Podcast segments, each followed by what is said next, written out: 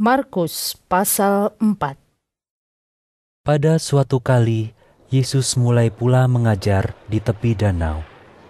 Maka datanglah orang banyak yang sangat besar jumlahnya mengerumuni dia, sehingga ia naik ke sebuah perahu yang sedang berlabuh lalu duduk di situ. Sedangkan semua orang banyak itu di darat, di tepi danau itu. Dan ia mengajarkan banyak hal dalam perumpamaan kepada mereka. Dalam ajarannya itu, ia berkata kepada mereka, Dengarlah, adalah seorang penabur keluar untuk menabur. Pada waktu ia menabur, sebagian benih itu jatuh di pinggir jalan. Lalu datanglah burung dan memakannya sampai habis. Sebagian jatuh di tanah yang berbatu-batu yang tidak banyak tanahnya. Lalu benih itu pun segera tumbuh karena tanahnya tipis. Tetapi sesudah matahari terbit, layulah ia dan menjadi kering karena tidak berakar. Sebagian lagi jatuh di tengah semak duri. Lalu makin besarlah semak itu dan menghimpitnya sampai mati, sehingga ia tidak berbuah. Dan sebagian jatuh di tanah yang baik. Ia tumbuh dengan suburnya dan berbuah. Hasilnya, ada yang tiga puluh kali lipat, ada yang enam puluh kali lipat, ada yang seratus kali lipat.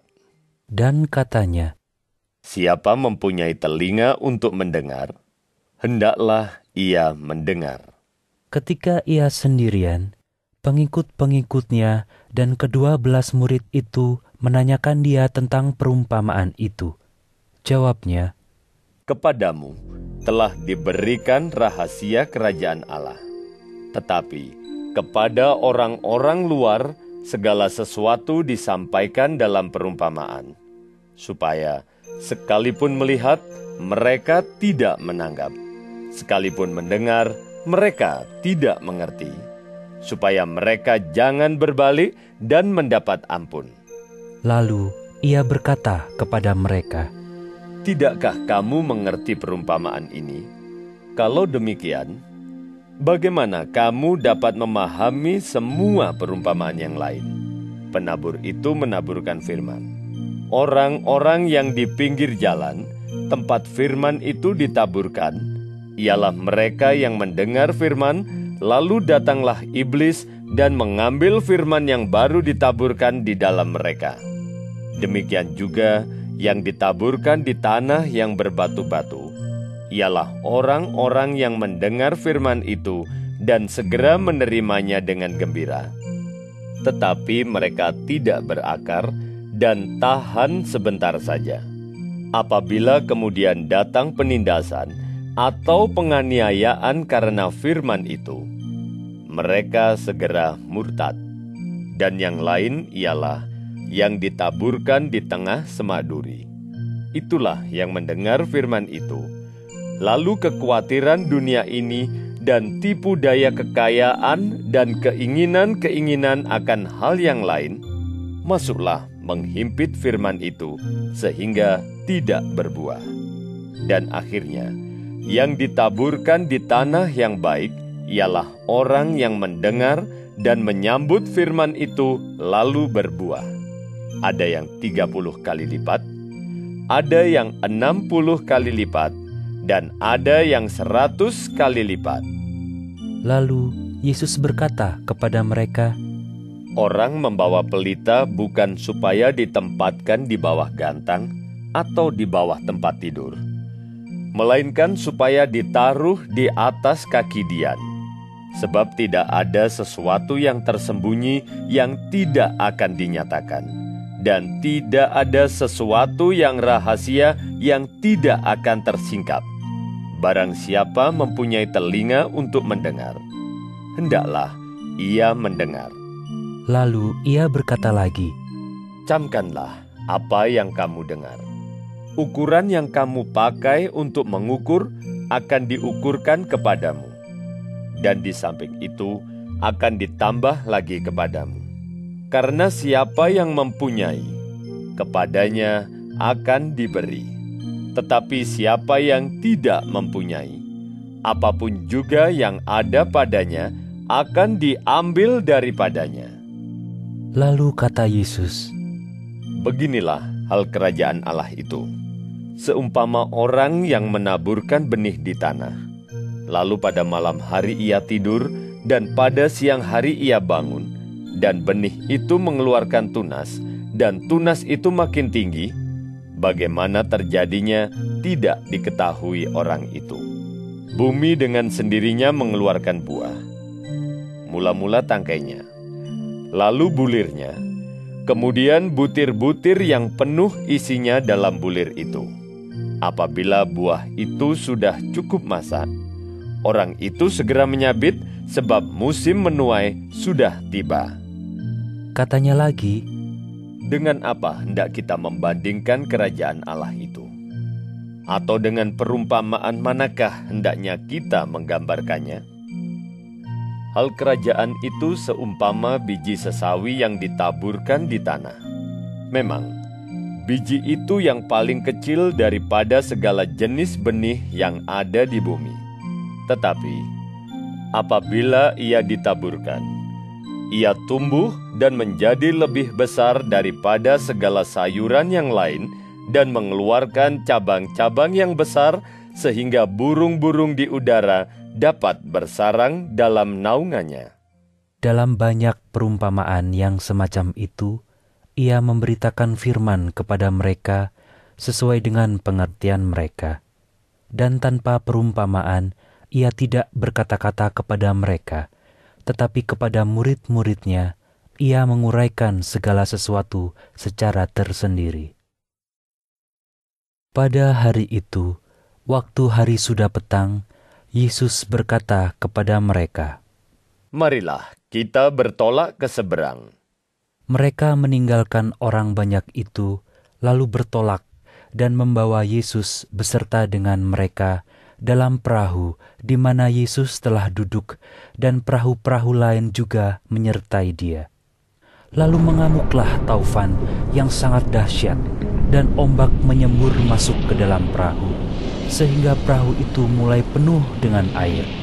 Pada waktu itu, Yesus sedang tidur di buritan di sebuah tilam.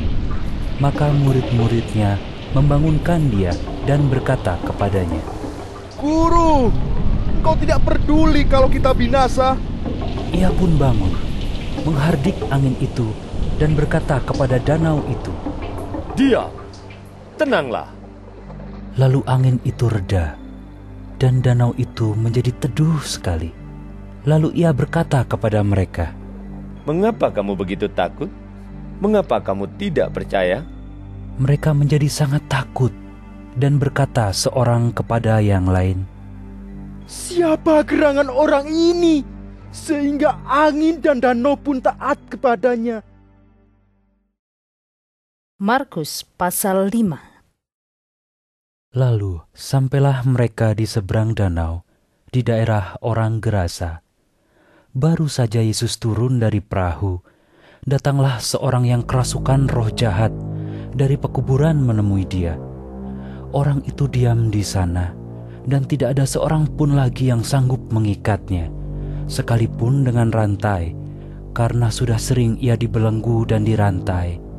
Tetapi rantainya diputuskannya, dan belenggunya dimusnahkannya, sehingga tidak ada seorang pun yang cukup kuat untuk menjinakkannya. Siang malam ia berkeliaran di pekuburan dan di bukit-bukit sambil berteriak-teriak dan memukuli dirinya dengan batu. Ketika ia melihat Yesus dari jauh, berlarilah ia mendapatkannya, lalu menyembahnya. Dan dengan keras ia berteriak, Apa urusanmu dengan aku? Ah Yesus anak Allah yang maha tinggi. Berialah, jangan siksa aku.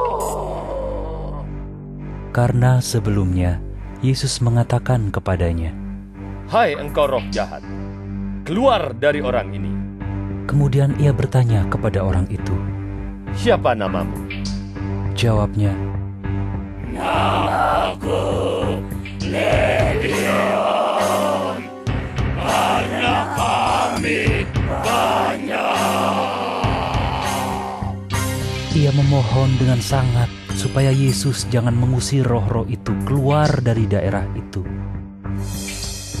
Adalah di sana di lereng bukit, sejumlah besar babi sedang mencari makan. Lalu roh-roh itu meminta kepadanya, katanya, Suruhlah kami pindah ke dalam babi-babi itu.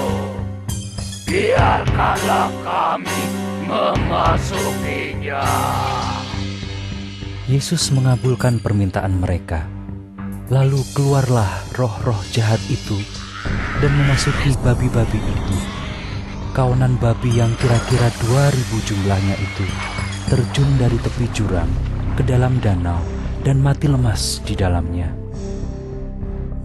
Maka larilah penjaga-penjaga babi itu dan menceritakan hal itu di kota dan di kampung-kampung sekitarnya. Lalu keluarlah orang untuk melihat apa yang terjadi. Mereka datang kepada Yesus dan melihat orang yang kerasukan itu duduk, sudah berpakaian dan sudah waras. Orang yang tadinya kerasukan legion itu. Maka takutlah mereka. Orang-orang yang telah melihat sendiri hal itu mencari terakan kepada mereka tentang apa yang telah terjadi atas orang yang kerasukan setan itu dan tentang babi-babi itu. Lalu mereka mendesak Yesus supaya ia meninggalkan daerah mereka. Pada waktu Yesus naik lagi ke dalam perahu, orang yang tadinya kerasukan setan itu meminta supaya ia diperkenankan menyertai dia. Yesus tidak memperkenankannya, tetapi ia berkata kepada orang itu, Pulanglah ke rumahmu, kepada orang-orang sekampungmu, dan beritahukanlah kepada mereka segala sesuatu yang telah diperbuat oleh Tuhan atasmu, dan bagaimana ia telah mengasihani engkau. Orang itu pun pergilah dan mulai memberitakan di daerah Dekapolis segala apa yang telah diperbuat Yesus atas dirinya. Dan mereka semua menjadi heran. Sesudah Yesus menyeberang lagi dengan perahu, orang banyak berbondong-bondong datang lalu mengerumuni dia. Sedang ia berada di tepi danau, datanglah seorang kepala rumah ibadat yang bernama Yairus. Ketika ia melihat Yesus, tersungkurlah ia di depan kakinya dan memohon dengan sangat kepadanya. Anakku perempuan sedang sakit, hampir mati. Datanglah kiranya dan letakkanlah tanganmu atasnya, supaya ia selamat dan tetap hidup. Lalu pergilah Yesus dengan orang itu. Orang banyak berbondong-bondong mengikuti dia dan berdesak-desakan di dekatnya.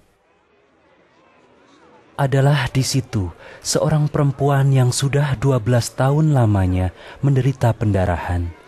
Ia telah berulang-ulang diobati oleh berbagai tabib, sehingga telah dihabiskannya semua yang ada padanya.